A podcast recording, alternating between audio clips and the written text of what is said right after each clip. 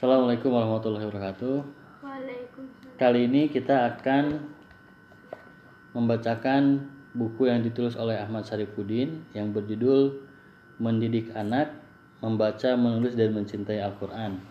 Nah, kakek Bandung dulu pesan pada Abi kalau kita membaca buku, kita bacakan salawat, kita bacakan doa kepada penulisnya karena dengan perantaraan penulisnya kita mendapatkan pengetahuan seperti itu. Itulah sebabnya seorang penulis itu selalu mendapatkan amal jariah karena telah berbagi pengetahuan kepada kita.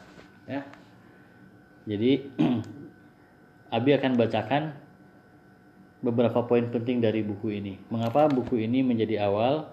Karena anjuran dalam agama kita kita diharuskan untuk mempelajari Al-Qur'an. Nah, mengapa kita harus mempelajari Al-Qur'an? Buku ini mengupas tentang itu, ya. Oke. Kita lihat ya. Oke. Di bagian mukadimah. Segala puji hanya patut menjadi milik Allah taala.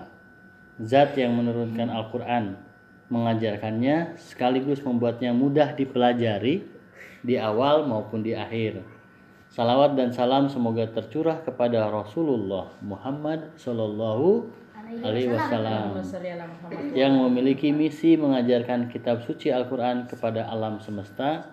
Berikut keluarga, sahabat, dan orang-orang yang mengikutinya dengan baik hingga hari kemudian. Amin ya robbal Amin.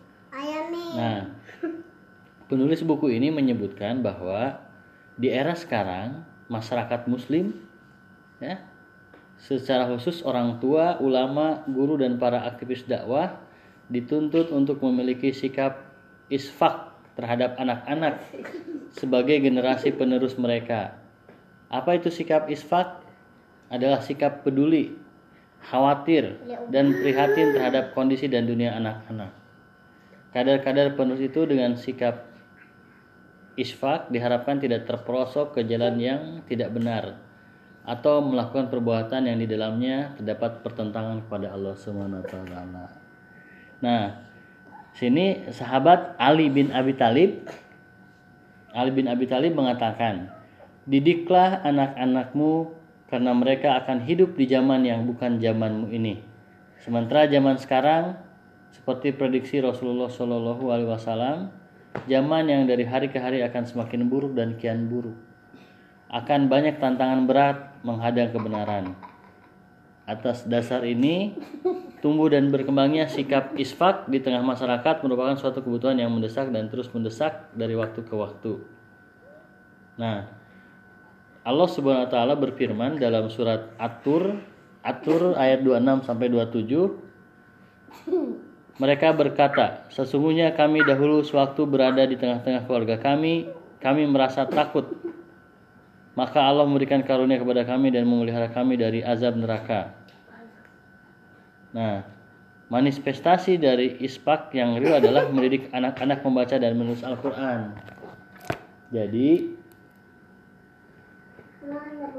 dengan pendidikan Al-Quran sejak dini, fitrah suci anak misalnya dapat dilestarikan dengan baik. Kehanifan anak di sektor keberagaman akan eksis dengan kitab suci tersebut.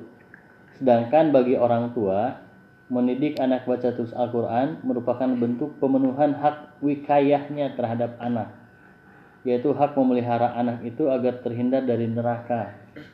Jadi orang tua diberi kewajiban untuk mendidik anak-anaknya agar terhindar dari neraka dengan cara salah satunya mendidik anak baca tulis Al-Quran.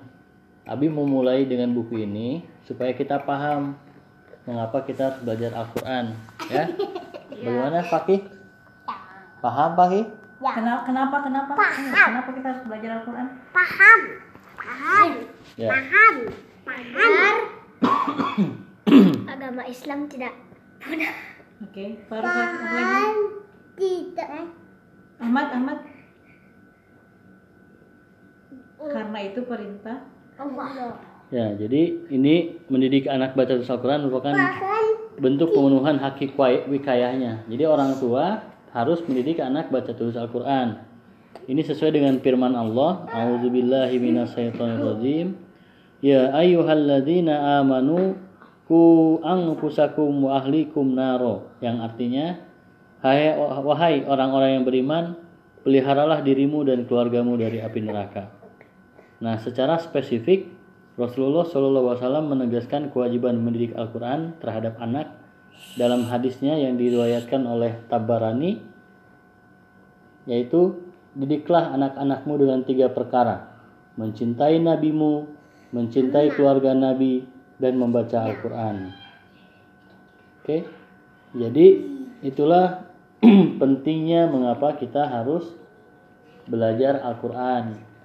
Orang tua harus mendidik anaknya untuk belajar membaca dan menulis Al-Quran demikian mukadimah dari buku ini insya Allah besok kita lanjutkan dengan memulai bersama-sama belajar membaca Al-Quran ada yang ingin ditanyakan? Ada. tapi Ya, kan tadi kita bilang tidak. Tapi kan sholat tidak.